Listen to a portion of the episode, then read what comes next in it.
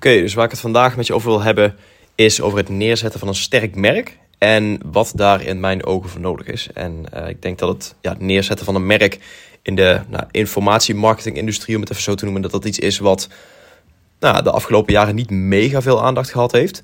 Uh, ik denk dat de focus altijd best wel gelegen heeft gewoon op direct marketing. En uh, wat direct marketing inhoudt, is dat je je potentiële klant dus direct al iets aanbiedt. Dus bij spreken een e-book of nou, wat dan ook. Dus dat je niet alleen bijvoorbeeld advertenties gaat runnen met je logo, bij zo'n spreken. Um, maar dat je direct iets beschikbaar stelt waar nou ja, je potentiële klant dus gewoon direct actie op kan ondernemen. En het voordeel daarvan is natuurlijk dat je heel makkelijk en heel snel respons ziet van of iets goed werkt, of iets goed aanslaat, ja of nee. Uh, ik bedoel, als je nou, bijvoorbeeld met een e-book adverteert en je ziet dan een groot gedeelte van de mensen die je advertentie bekijkt ook het e-book daadwerkelijk downloadt, ja, dan, dan weet je gewoon van ik heb hier iets dat mensen interessant vinden.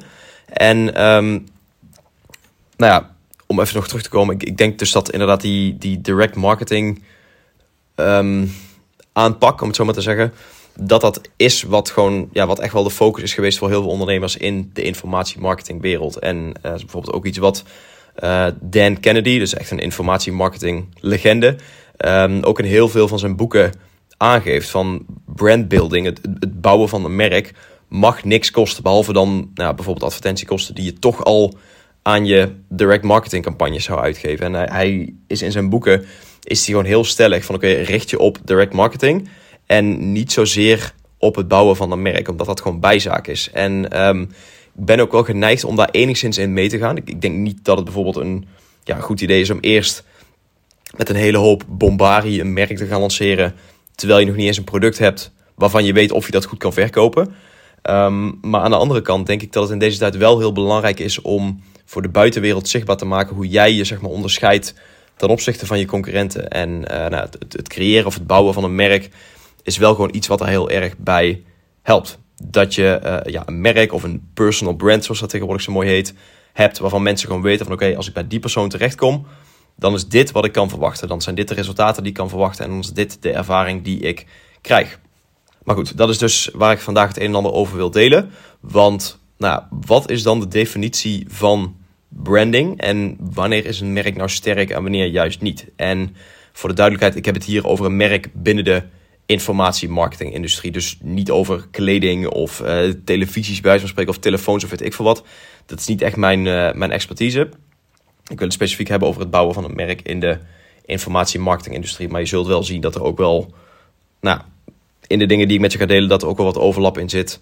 Um, nou ja, met andere industrieën, zeg maar. Dus wanneer het gaat over het bouwen van een merk of, branding of net hoe je het wil noemen, dan is mijn ervaring dat dat heel vaak geassocieerd wordt met, uh, nou, laten we zeggen, mooie designs of kloppende kleurcombinaties of uh, fancy logo's of weet ik veel, PowerPoint slides in een mooie huisstijl, noem het allemaal maar op. En um, ik ben daar ook absoluut niet tegen. Dus uh, dat even voor de duidelijkheid. Mijn, mijn vriendin bijvoorbeeld heeft een, een, ja, een business in dat vakgebied.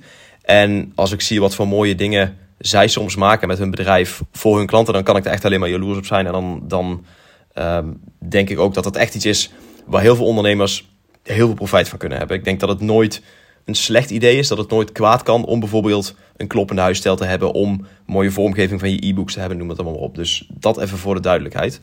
Maar wat mijn gedachten erover zijn en uh, waar ik je misschien ook wel een klein beetje voor wil waarschuwen, is dat het bouwen van een merk uiteindelijk niet zozeer gaat om hoe mooi je vormgeving is. Ik bedoel, je vormgeving en noem het allemaal op, dat draagt daar natuurlijk wel heel erg aan bij, aan het, aan het totaalplaatje zeg maar. Maar uiteindelijk is je vormgeving is niet hetgeen wat je brand of wat je, ja, wat je merk overeind gaat houden. Want als je, uh, weet je, je kunt de mooiste visuals hebben, de, de meest prachtige vormgeving, maar als je gewoon kutservice levert en je beloftes niet nakomt, dan heb je geen business.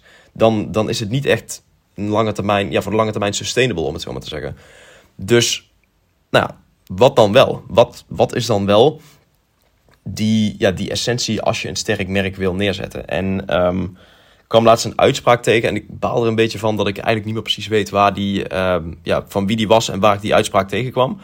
Maar het is wel iets waar ik het heel erg mee eens was. En um, wat die uitspraak is, is het volgende. En dat is: brand is a reward you get for keeping the promises that you make. Oftewel, je merk is de beloning die je krijgt voor het nakomen van de beloftes die je maakt. En ehm, dit is wat je ook gewoon heel duidelijk terugziet bij de meest succesvolle bedrijven over verschillende industrieën, zeg maar. Dus Coolblue bijvoorbeeld is daar denk ik een heel mooi voorbeeld van.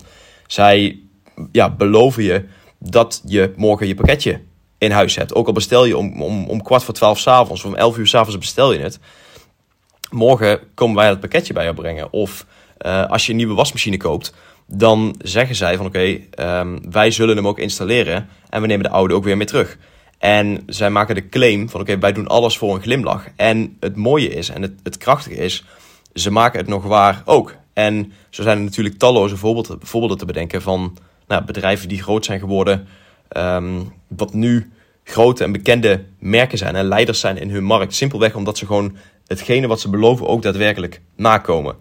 En um, nou die bedrijven die maken dus bepaalde claims, die, die positioneren zich op een bepaalde manier. Maar het belangrijkste, en dat, dat is wat ik net ook zei, dat is dat ze het nog waarmaken ook. Dat is echt die, die sleutel. Gewoon een, een sterke belofte doen, maar met name dus ook doen wat je belooft. En dat is het moment, als je dat doet, dat mensen over je zullen gaan praten en dat mensen via via bij je terecht gaan komen en noem het allemaal maar op. En um, wat dan natuurlijk helemaal krachtig is, is als je je claims of je beloften, als je dat dan ook nog kan ondersteunen met een vorm van bewijs. Dus bijvoorbeeld uh, nou, in de vorm van reviews of testimonials of wat dan ook. Als je dat hebt, dan um, nou ja, heb je denk ik een formule waarmee je echt alleen maar kan, uh, kan gaan winnen. En uh, dat is wat ik vandaag met je wilde delen. Dus even voor de duidelijkheid, ik ben geen tegenstander, absoluut niet, van mooie visuals of een mooie huisstijl of, of wat dan ook voor je bedrijf. Maar ik wil je er wel bewust van maken dat dat alleen er niet voor gaat zorgen dat je een sterk merk gaat neerzetten.